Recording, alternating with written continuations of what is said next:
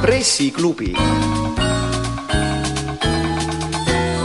tere päevast, head kuulajad, kui te seda saadet kuulete, see on esmaspäev, kell on mõned minutid üks läbi, eetris on pressiklubi. Ja me räägime täna välisminister Keit Pentose tagasiastumisest, me räägime Autorolla pankroti asjast ja lühidalt meeldetuletuseks siis seda, et eelmise nädala kolmapäeval siis välisminister Keit Pentus-Rosimannus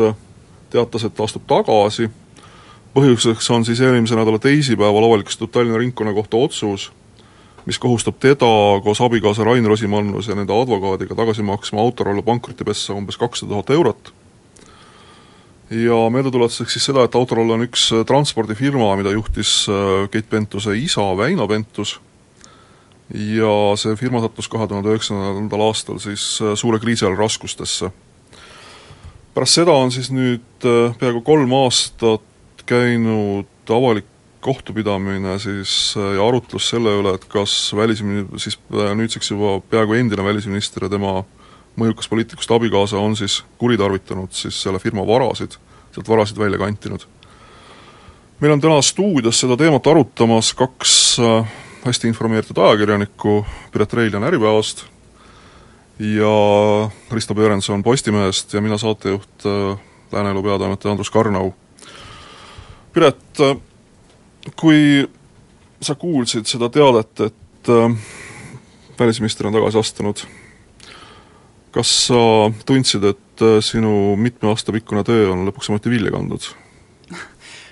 Päris niimoodi ma seda emotsiooni ei nimetaks, küll aga ma olin üllatunud. ma olin isegi Äripäevas äh, umbes tund aega varem avaldanud arvamusloomile pealkirja, et miks te tagasi ei astu, minister,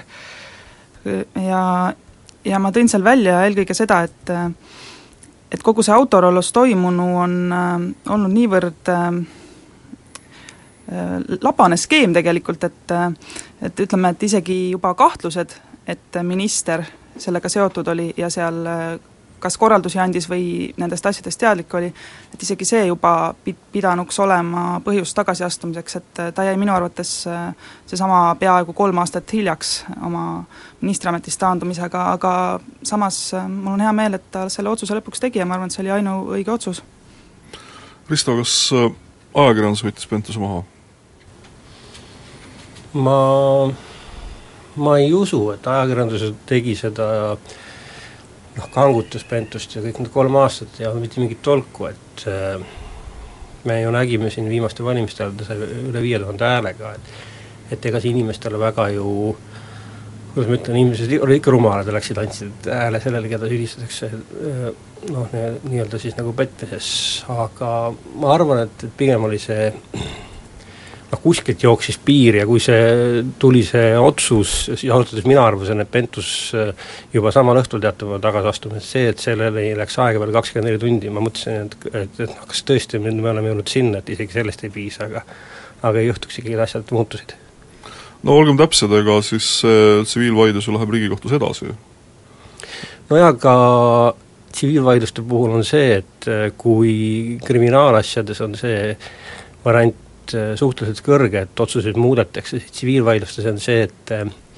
esimeses astmes saab esitada kõik tõendid ja ringkonnakohtusse ja Riigikohtusse sa enam midagi lisada ei saa. ja kui tsiviilvaidluses ringkonnakohtu kolm kohtunikku teevad mingi otsuse, siis on noh, pigem erakordne see, et Riigikohus seda otsust muudab, noh ei ole välistatud, aga aga et kui peaks äh, kuskil kihlveobörsil mängima, siis ma soovitaks ikkagi nagu Ventuse kaotuse peale panustada. ma ütleks selle kohtu, et selle Riigikohtusse pöördumise kohta veel seda, et minu arvates ei ole enam ammu tähtis see, et mida täpselt kohus otsustab, sest äh, need asjad, mis on välja tulnud, äh, on piisavad selleks, et et väita, et Keit Pentus-Rosimannus ei saanud olla nii-öelda täiesti teadmatuses sellest, mis seal ettevõttes tehti ja, ja kui inimestel on kadunud usaldus ministri vastu, siis äh, minu arvates me, me ei peaks isegi niivõrd ootama nüüd, mis nüüd Riigikohus otsustab, vaid äh, vaid on ka teised normid, mis äh, kehtivad sellises ametis. No seal on tegelikult, mis on ääretult põnev olukord, on see, et paralleelselt on käimas üks teine teine siis kaasuse protsess on siis nagu kriminaalsüüdistus ja kus, kus uurimisorganid, kellel on kordades rohkem võimalusi midagi tuvastada,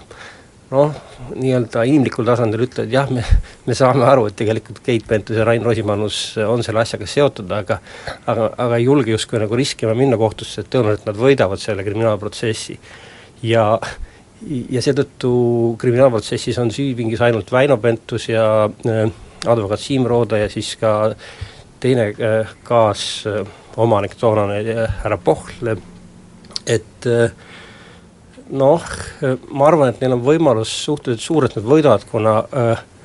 kuna eelmise aasta lõpus tegi Riigikohus omastamises ühe väga märkimisväärse otsuse, et põhimõtteliselt öeldi seal, et omanik võib oma ettevõttest vara võtta nii palju, kui ta tahab, isegi kui see kahjustab võlausaldajaid. Sellest äh, pretsedendist ajakirjandus väga kirjutanud ei ole, aga, aga jah, see on olemas, nii et ma arvan, Väino Pentusel on põhjust loota edu, aga aga seda nagu põnevam oli see, et tsiviilkohus, kelle käed on palju rohkem öö, seotud selles asjas, vaatas tõenditele otsa, ütles, et ei, aga et öö, Rain Rosimannus ja Keit Pentus siiski on süüdi, et öö, põnev olukord. põnev olukord kahtlemata või kusjuures seda põnevust on ju pakutud sel teemal ju nüüd juba üsna mitu aastat, et ma jätsin enne selle ütlemata, et me täna lindistame seda saadet, et see ei ole tavapärane otsesaade, aga kui see oleks otsesaade, siis ma saaksin teile tõsta kaamerat ette Äripäeva esikülje kahekümne seitsmendast novembrist kaks tuhat kaksteist, kus naeratab siis, naeratab siis Keit Pentus-Rosimannus ja siin kõrval on pealkiri perekond Rosimannust ähvardab poole miljoni eurone hagi. et kui me seda asja nagu hakkaksime kerima, et Piret, et kuidas see, kuidas see lugu alguse sai? kas me nüüd mitu aastat hiljem saame rääkida sellest, et kust see info tuli,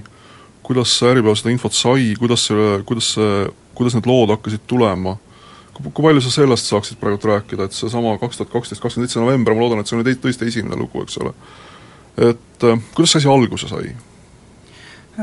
vot see, ütleme, üks asi, mida tegelikult ka Keit Pentus-Rosimannus on hästi palju kasutanud, on, on see, et ähm, ta on äh, tituleerinud Äripäeva siis väljapressijate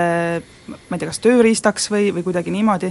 et ähm, ma ütleks seda, et minu arvates ei ole see üldse oluline,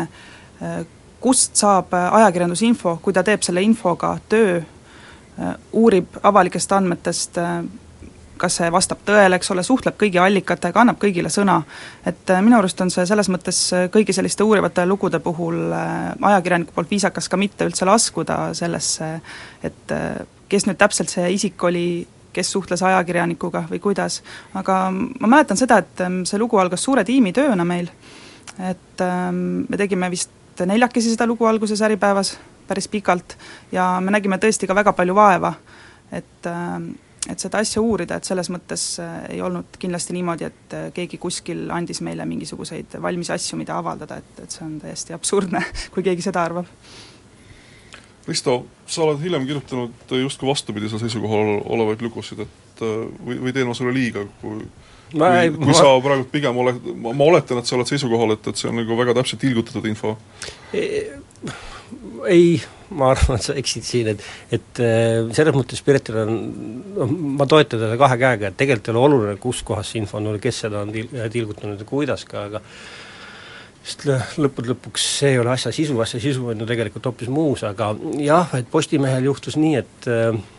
noh, me vaatasime, kuidas seda infot äh, tõepoolest üritati meile tilgutada ja noh, me esimesed kaks korda kirjutasime alla tegime sellest äh, loost info ja siis äh, nii-öelda nagu sellest infost artikli, aga kolmanda korra peale me ütlesime, et kuulge, et, et nii nagu ei lähe. et, et, et et me kas räägime ausalt, et kui me peame ründama mm, perekond Rosimannus, et, et siis, siis räägime ikkagi nagu lahtiste kaartidega, et kelle väited need on ja et, et me ei ole nõus nagu äh, anonüümsete vihjete peale äh, kirjutama ja sellest sündis ka see lugu, et kuidas noh, tegelikult see justkui nagu selline meedia kaudu survestamine käib, aga noh, ma ütlen, et see on selles loos nagu kõige vähem tähtsam asi, et sellele ei maksa väga auru kulutada.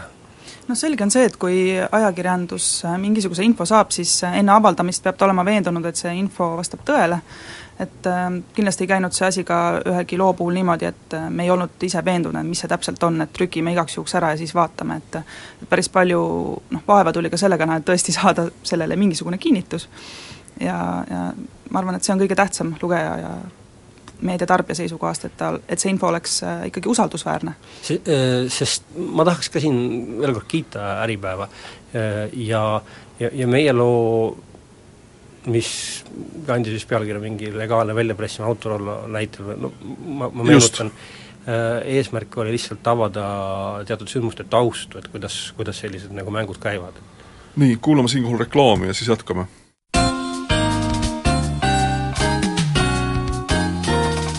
pressiklubi eetris on Pressiklubi, meil on täna külaliseks äh, kaks hästi informeeritud ajakirjanikku, Piret Rein on Äripäevast, Risto Perenson Postimehest, mina saatejuht Andrus Karnau, me räägime siis Autorollo pankrotiasjast ja sellega kaasnenud erinevatest poliitilistest mullit-, mullistustest, sealhulgas siis sellest, et välisminister Keit Pentus-Rosimannus astus tagasi. et äh, see esimene lugu siis ilmus Äripäevas kakskümmend seitse november kaks tuhat kaksteist, õige pea järgnesid sellele Ekspressi lood, et äh, Piret, kui me hakkame nüüd sellest asjast rääkima, sest noh, meil, meil läheb selle puhul ju põhitähelepanu läheb, eks ole, sellele, et äh, kuidas ajakirjandus seda kajastas, millised on sellised poliitilised mõjud, kas kas minister on usaldusväärne, aga mulle tundub, et, et selle asja tuum on tegelikult ju kusagil väga lihtne, see on see on üks ettevõte, millel olid võlausaldajad, mis sattus raskustesse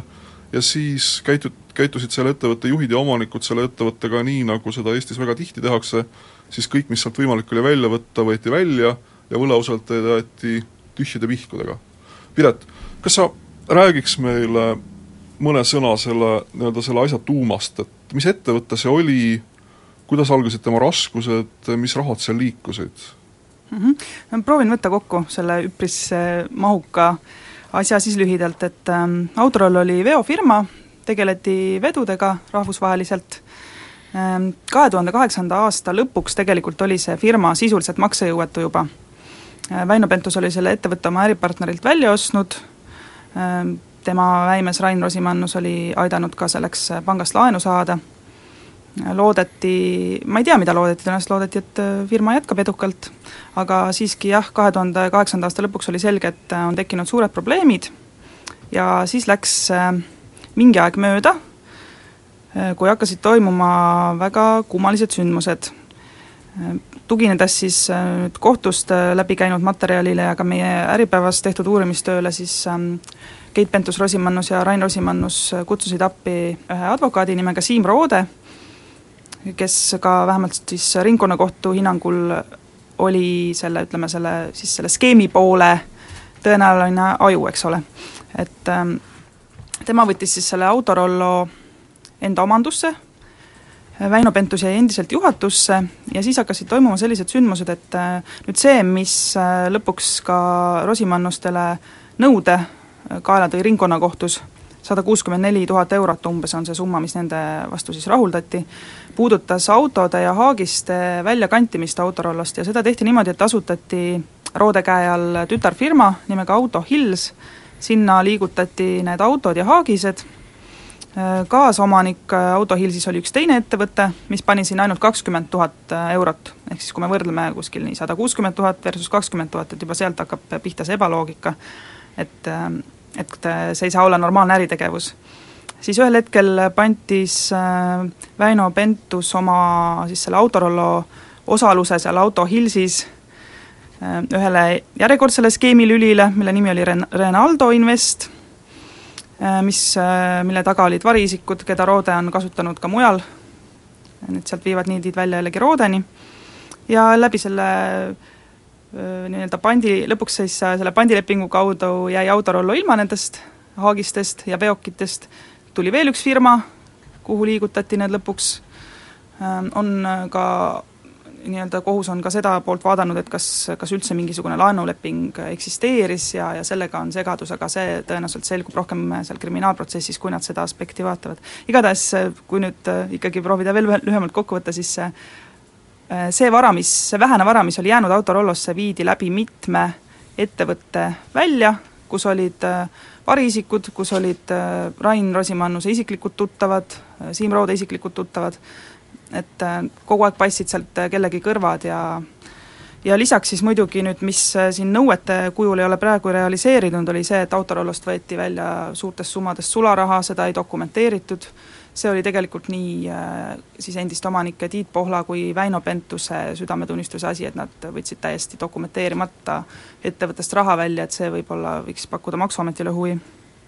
Ma tean, nad on seda vist põhjendanud sellega, et äh, selliste rahvusvaheliste autovedude äris äh,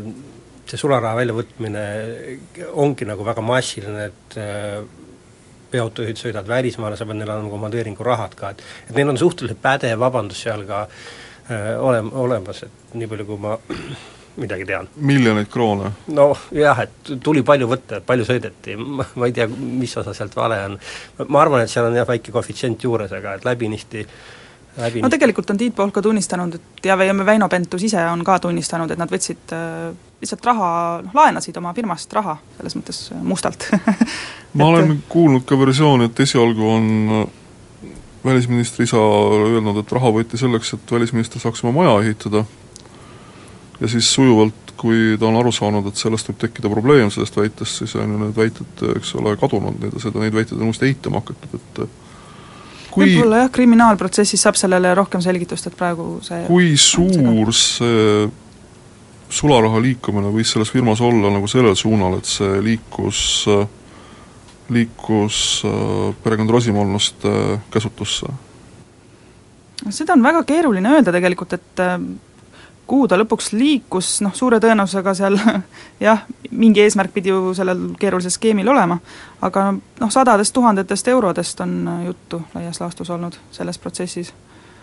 kroonide ajal siis miljonitest kroonidest. et, ähm, et summad ei ole nüüd väga üüratud, samas noh, tavalise inimese jaoks ikkagi märkimisväärsed. no selle loo tegelikult muudab nagu põnevaks minu ajakirjaniku jaoks, see on täiesti labane pankrotiprotsess ja nagu mu Reformierakonna toetaja Stam ütleb, kõik teevad nii aga poliitikuid äh, väga palju ei ole, kes nii on teinud ja minu jaoks põnevaks teevad selle, see, et et äh, Rain Rosimannus ja Keit Pentus äh, alguses vähemalt Keit Pentus jättis mulje, et tema ei tea üldse mitte midagi ma, et ma aitasin oma isa, millest tuleb teda tänada ja, ja tunnustada, et laps peabki oma vanemaid aitama, aga siis, kui tuli välja mingid meilid, kus ta on kirjutanud sellele advokaadil Siim Roodel, siis on meie täielik usaldus, teda tuleb aidata, siis selgub, et ei, et tegelikult on nagu autoroll asjadega ka seotud, ehk siis poliitik äh, on jäänud rämedalt vahele valetamisega. nii, nemad palkasid Siim Roode, kes tegi kõiksugu skeeme ja, ja kui need selgus, et need on osutunud ebaseaduslikuks, siis on Rain Rosimannus ja Keit Pentus asunud igati jätma endast muljet, et meie ei teadnud mitte midagi. et, et me palkasime ühe nõustaja, kes tegi mingi suure jama kokku, no kallid raadiokuulajad äh, ja, ja Andrus Karno, kas, kas sina arvad, et äh, kui sa teeksid selliselt, sa palkad kedagi äh, mingit firmat saneerima, päästma, et sa siis nagu üldse ei tunne ta tegemiste vastu huvi, halloo? ma tunnen seal, tunneks selle vastu väga tugevat huvi ja selles, ja see saneerija saaks ka äh, minult üsna konkreetsed äh, ülesanded, mida teha ja kuidas teha. et see probleem ongi see, et äh, perekond Rosimannused on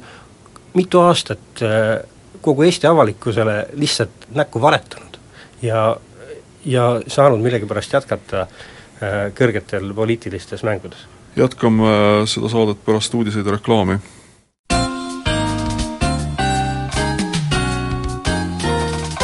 pressiklubi head raadiokuulajad, eetris on Pressiklubi me räägime täna Autorollo skandaalist, välisminister Keit Pentus-Rosimannuse tagasiastumisest, meil on täna stuudios Äripäeva ajakirjanik Piret Reiljan, Postimehe ajakirjanik Krista Perenson, mina saatejuht Andrus Karnau. me eelmise saatetunni või saate pooltunni lõpetasime Risto jõulise avaldusega, et et Rosimannused on mitu aastat avalikkusele valetanud, see kahtlemata on nüüd osutunud tõeks, aga enne kui me selle valetamise ja selle poliitilise vastutuse teemaga edasi läheme, ma tahaks ikka tagasi tulla selle, selle majanduslike või ärisuhete juurde, et et Risto, sa ütlesid ka eelmise pooltunni lõpus ühe sellise tähelepanuväärse lause, sa tsiteerisid oma ämma, kes olevat öelnud umbes niimoodi, et aga kõik teevad ju nii. et ma tahakski just jõuda nagu selle asja juurde tagasi, et et kui me jätame kõrvale nüüd need kõlavad ja tuntud nimed, siis äh, Piret, sa saad mind parandada, aga minu meelest on niiviisi, et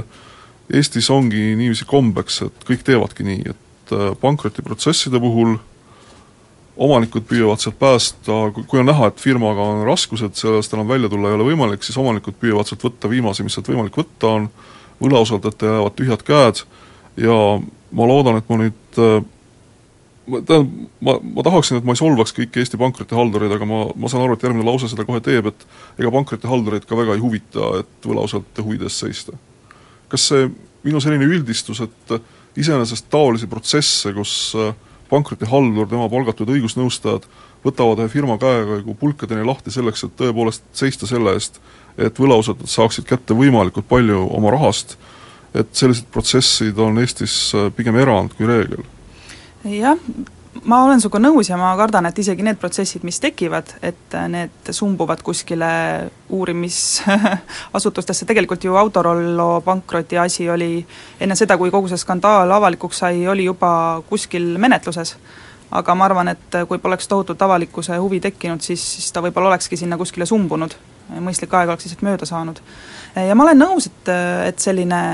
seda toimub kindlasti massiliselt, et kui tekivad raskused, siis päästetakse see, mis päästa annab. aga antud skeemi puhul lisaks sellele, et selle taga on äh, kõrged poliitikud, kes tegelikult re-, äh, oma retoorikas ju võitlevadki selliste skeemitamiste vastu, ütlevad, et see on väga paha, äh, on, on ikkagi see, et antud skeemi puhul see oli robustne, mastaapne, palgati kallis advokaat, kasutati variisikuid, asutati mitmeid firmasid, et ma arvan, et päris nii sellist äh, keerukat skeemi ikkagi enamasti ei tehta. enamasti võib-olla selliste väikefirmade puhul seal võib-olla õnnestub sõiduauto päästa või midagi, aga, aga et see, see, kuidas siin antud juhul tehti, on ikkagi mastaapsem. inimkeele öeldes tehti puhas puuk, on ju, usaldajate juures, aga see, kuivõrd tavaline see võib olla, minu meelest äh, suhteliselt äh, kõnekas äh, näide on üks minu selle teema artiklitest, kui ma olin midagi kirjutanud, siis advokaat Siim Roode kutsus mind oma äh, kontorisse, kus ta üks tund aega mulle äh, rääkis sellest samast skeemist, äh, joonistas firmas ja ütles, aga nii tehaksegi. et, et see on täiesti elementaarne ja, ja täiesti normaalne Eestis. ja, ja noh, et nüüd tagantjärgi me teame, et ilmselt see oli kriminaalkuritegu, aga tol hetkel räägiti sellest väga lihtsalt aga Risto, sa, sa tunned väga hästi politsei poolt, miks meie Eesti politsei ja prokuratuuri võimekus keerukaid majandusasju uurida? miks see, see, see on ju aastaid teada olnud, et sellega ei saada hakkama, et need kuhjuvad äh,, läbi nendest närida ei suudeta, miks on see valdkond jäänud nagu ma ei tea, võrreldes äh, liiklusjärelevalve või narkokuritegevusega, jäänud ikkagi politseis ja prokuratuuris jätkuvalt vaeslapse ossa? no ilmselt peaks keegi minema siis äh siseministeeriumisse kohvriteie rahaga, ma mõtlen Rahandusministeeriumisse öelda, et näete, siin on kümme miljonit eurot ja palgake omale sellised, sellised äh, uurijad, äh, ega neid kohe ka ei leia, et seal on lihtsalt puhas inimressursi puudus, et kui sul on kaks-kolm uurijat, kes, kes kuude kaupa tegelevad mingite paberite noh, lugemise, ümbertõstmisega, ja et siis lihtsalt ei jõuta, et selle äh, Autorollo case'is ju hirmsalt ka pingutati, seal kuude kaupa see uurija istus ja ja oli vahepeal nagu mulle hulluks minemas, et nii palju oli tööd, aga noh, üksi ei jõua lihtsalt. mulle, mulle tundub ikkagi see, tõenäoliselt ma kõlan nüüd nagu mingisugune hull vandenõuteoreetik, aga kui ma mõtlen näiteks selle peale, kui tõhusalt nagu Eesti riik suudab, ma ei tea, kiiruskaameraid üles panna ja sealt nagu sadu ja tuhandeid eurosid sisse kasseerida, siis mulle tundub see olukord, kus nagu aastaid on teada, et, et keerukaid majandusasju ei suudeta uurida. ja see, mingit paranemist ei ole märgata, et mulle tundub, et see justkui on nagu teadlik valik see on nagu vägev vandenõuteooria, ma ei usu seda. ma ei usu seda, aga neid inimesi on vähe, kes on suut- ja, ja, ja neid asju on palju. Et seal ongi see konks, inimesi on vähe ja raha on vähe jah, aga inimesi on vähe, raha on vähe, see raha eraldamine on valitsuse ja Riigikogu asi. ja see, kui seda raha ei eraldata, siis äh, tekib mul ikkagi küsimus, et miks seda ei eraldata, ma saan aru, et praegu võib-olla ei eraldata, aga, aga aga see probleem ei ole ju uus, see probleem on olnud praktiliselt kõikide suurte majandusasjade puhul kordub üks ja sama küsimus. politsei ei saa hakkama, prokurör ei saa aru ja mingeid muudatusi ei ole. no prokurör selles loos võib-olla et natuke ka pelgas äh, tõepoolest seda seda kaotust, äh, et kui ma lähen kohtusse, kui ma süüdistan Pentust ja Rain Rosimannust, siis äkki ma kaotan ja siis kuidas see mõjub ja kuidas saab prokuratuuri rünnata ja kõike muud, et, et see, see on nagu natuke triki case, et äh, no ma jätkan oma vandenõuteooriat, arvestades seda, et tegemist on perekonnaga, mis on väidetavasti nagu meie võimuparteis väga mõjukas, kelle, kes suudaks suurepäraselt raha, raha, riigieelarve rahasid äh, eraldada siia või sinna, ja kui seda majanduspolitseid ikkagi nagu hoitakse sellise näljapajuka peal, siis mul paratamatult tekib küsimus, et äkki see on siis nagu teadlik valik? no see on kõva vandenõuteooria jah, et äh, ma, ma ei usu seda. Äh, jah, paraku on nii, et ma arvan, me ei leia politseist noh, võib-olla ühe-kaks inimest leiame, kes usuvad, et et Rain Rosimannus ja Keit Pentus-Rosimannus selles loos, kriminaalses loos täiesti puhtad on, aga jah, paraku paraku kriminaalprotsessis on süüpingis teised inimesed. kui ma seda saadet ette valmistasin ja rääkisin äh, ajakirjanikega, kes äh, sellest teemast on kirjutanud,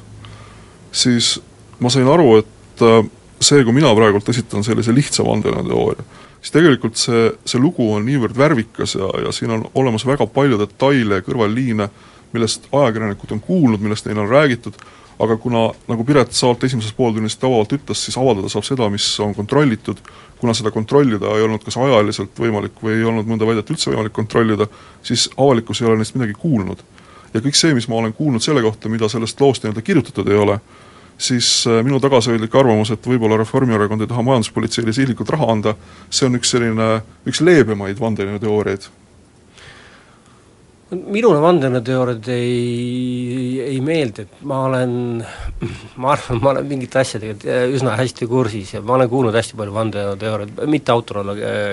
kaasuses, aga lihtsalt, et tavaliselt need ei klapi et ma arvan, siin kui räägitakse, et Autorolla kaudu on kilekottidega võib-olla et ka erakonnale raha viidud, noh, seal võib mingi nagu tõepõhi all olla, aga see ei ole kindlasti olnud massiline. no Piret ütles, et ega me ei tea, kuhu see raha läks, mis sealt äh, sularahaautomaatidest välja võeti. noh, ma ei usu, et see oli nii, et, et Rain Rosimannus käis, võttis nendest automaatidest välja ja, ja, ja lasi siis äh, kellelgi noh äh, kui ma nüüd mälu järgi ütlen, siis ähm, oli seal üks osa rahast liikus kuskile Lätti mingite firmade kaudu, siis tuleb meenutada seda, et äh, olid äh, sularaha laenulepingud, mille puhul on olemas tõsine kahtlus, et äh, need on võltsitud, vähemalt seesama, kes, keda sa ka enne mainisid, Roman Moiseev, üks äh, Pihkva ettevõtja, kes on äh, öelnud, et et ta ei ole seda laenu saanud.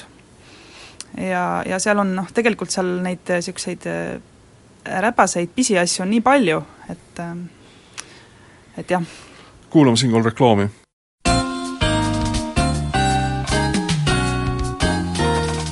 pressiklubi.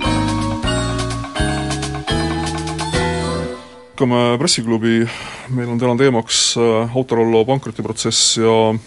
ja Keit Pentus-Rosimannuse tagasiastumine välisministri ametist, stuudios on ajakirjanikud Piret Reiljan, Risto Peerenson ja mina, saatejuht Andrus Karnau. et äh, kui me nüüd äh, enne reklaami rääkisime sellest võimekusest üldse pankroti asju uurida, siis selle asja puhul me peame ju rääkima ka nimedest, eks ole, et kui ma nüüd õigesti aru saan, siis äh, selle taga, et see asi, et see Autorollo pankrot on üldse kohtusse jõudnud, selle taga on mõned inimesed, üks on advokaat Olav-Jüri Luik, kes, nagu ma aru saan, on teinud ära selle põhilise detektiivitöö selles tsiviilasjas, sõna otseses mõttes käinud ja kuulanud üle inimesi, kogunud tõendeid, siis teine oluline persoon on Ingmar Pärn, kelle kohta tema vaenlased ütlevad, et ta on joodik ja võlakütt, vabandan härra Pärna ees, et kui, kui, kui tal ka on ka alkoholiprobleeme, siis siis lõppude lõpuks see ei ei muuda seda, et ta siis selle pankrotitoimkonna esimehena on järjekindlalt nõudnud tagasi võlgu, ja, ja siis kolmas äh, oluline roll on siis siin selles pankroti osas, pesas, kui ma nüüd õigesti aru saan, siis äh, firma nimega Port One, kelle omanikud on siis ühed, ühed võlausaldajad ja kes on siis järjekindlalt samuti siis toetanud seda, et, et see asi ei peaks vaikselt hääbuma, vaid, vaid need rahad tuleks saada kätte. ja, ja siin, mis puudutab sellesse Risto räägitud valetamise teemasse, siis ma lihtsalt kui ma saateks ette valmistasin, siis ma kirjutasin endale välja siia ühe ilusa tsitaadi, mida proua Pentas ütles kolmekümnendal juunil kaks tuhat neliteist Postimehes ilmunud artiklis. ja ta on seda ka varem ka öelnud, aga, aga selleks, et, et mitte, kuna me siin kõik oleme kolmekesi väga ründavad tema suhtes, siis lihtsalt ma üritan seda nüüd ette lugeda, et Keit Pentus-Rosimannus, ma ei ole kunagi osalenud isa firma juhtimises ega langetanud tema firma üht, tema firmas ühtegi sisulist ega vormilist otsust, kogu minu süü peitub selles, et ma olen tema tütar või olen, või olen oma isa tütar. Tsitaadi lõpp, et et see valetamise pool, et ma saan aru, et me oleme nüüd siis Eestis olukorras, kus meil ei ole välisministrit ja samas me oleme olukorras, kus meile tundub, et meil peaks olema väga tugev välisminister, arvestades seda, et et kusagil Vahemere ääres on üks Kreeka, mis on küll väga väike majandusega, mis ometi oma lakkamatute tõmblustega nagu pidevalt euro, euroala kriisi poole nihutab ja ida pool on siis Venemaa, kelle vastu on samuti vaja tõhusalt, tõhusalt võidelda. et äh, kuidas teile tundub, et äh, kes meil siis nüüd võiks olla see uus välisministrikandidaat, kes suudaks, äh, kes suudaks siis täita kõiki neid kõrgeid nõudmisi, mida me sealt positsioonilt ootame? Kui tohib, ma korraks veel puudutan Keit Pentus-Rosimannust ka, enne kui me läheme uue ministri juurde, et see tema retoorika, kuidas ta on suhelnud, on olnud tegelikult väga huvitav, kui keegi tahaks ette võtta ja analüüsida algusest peale kõik tema tsitaadid läbi, sealhulgas äh, tagasiastumise teate, siis sealt leiaks tegelikult äh, väga osava PR-töö, näiteks üks detail, millele juhtis üks minu nutikas tuttav tähelepanu, on see, et kui ta teatas tagasiastumisest, siis seal oli sõna trahv, et temalt nõutakse trahvi mitte kuskil pole juttu sellest, et tegelikult on, oli Autorollo võlgu ja et see raha on ettevõttest välja viidud ja nüüd peaksid nad justkui selle raha tagasi andma, et, et nüüd on juba juttu trahvidest. ja, ja, ja, ja noh, see isa aitamise teema on olnud teine selline väga hea kaart, mida kogu aeg lauale panna, mis on hästi inimlik. aga, ma hakkan, ma hakkan Piret, Piret nüüd kohe sind, üritades nagu tasakaalu selles saates hoida, siis ma hakkan sind kohe ründama ühe pildiga, mis ilmus selles artiklis, mille kahekümne seitsmendal novembril kaks tuhat kaksteist Äripäevas, kus siis on kus siis on äh, teie, teie esimese loo juures on äh, äh, siis pulmafoto, need pulmad vist olid sellesama maa-aasta suvel minu meelest, eks ole. Need suurejoonelised pulmad siis Vabaduse väljakul, kus siis parasjagu Keit Pentuse isa Väino Pentus viib siis pruuti ilmselt siis kas kirikusse või kuhugi sinna, selline väga pidulik hetk, et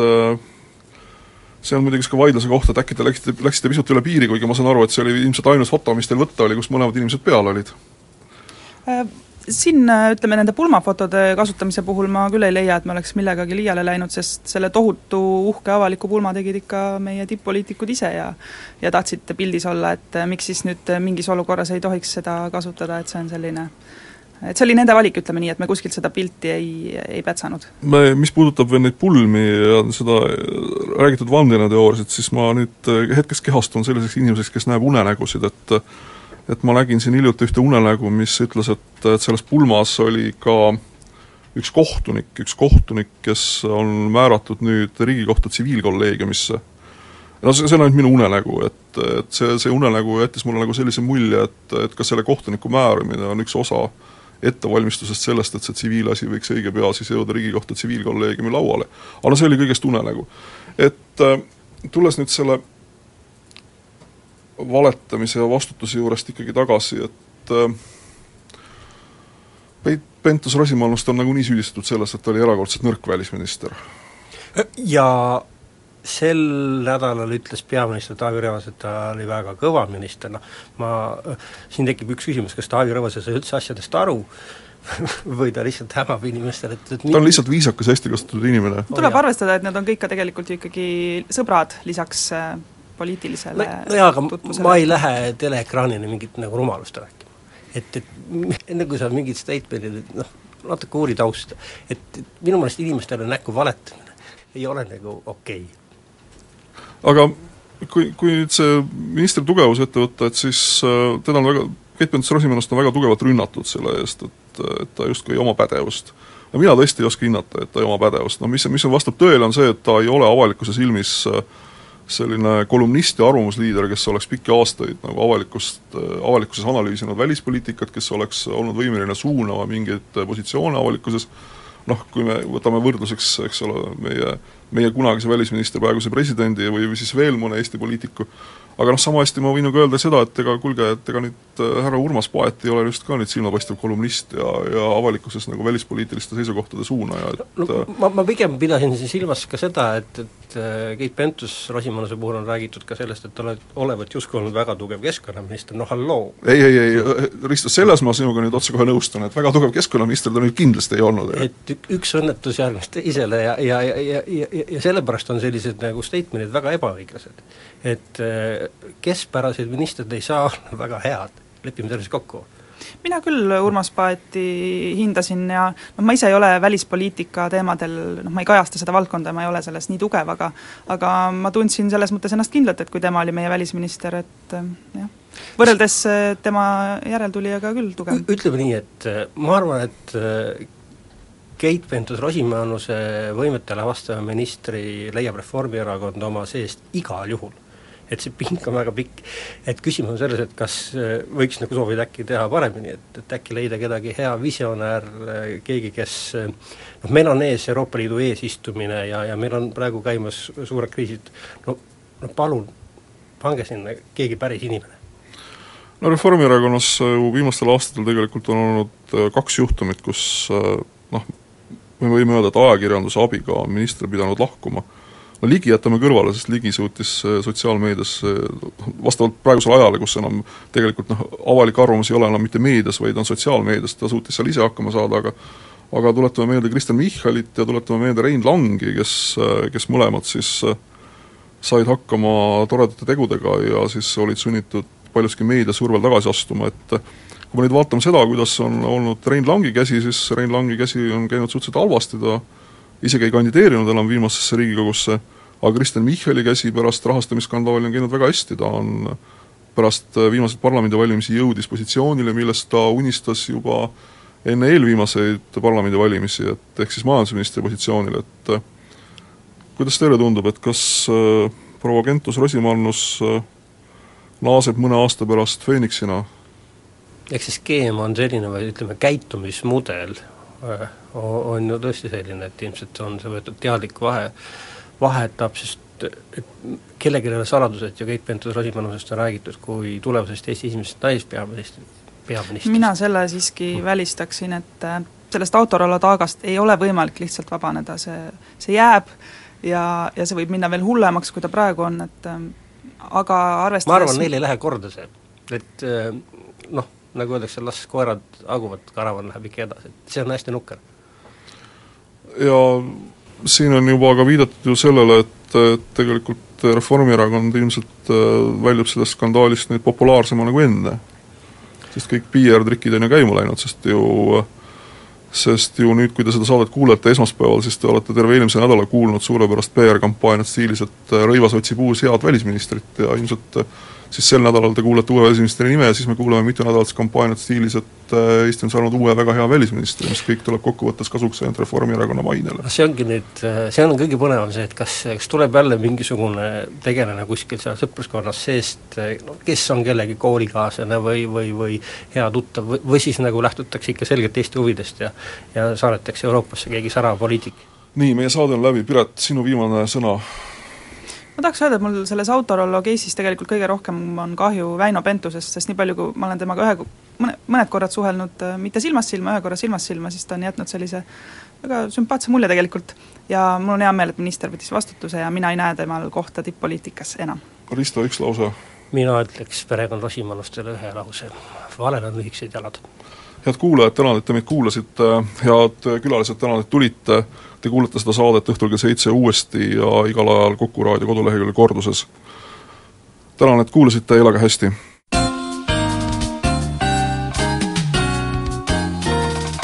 pressiklubi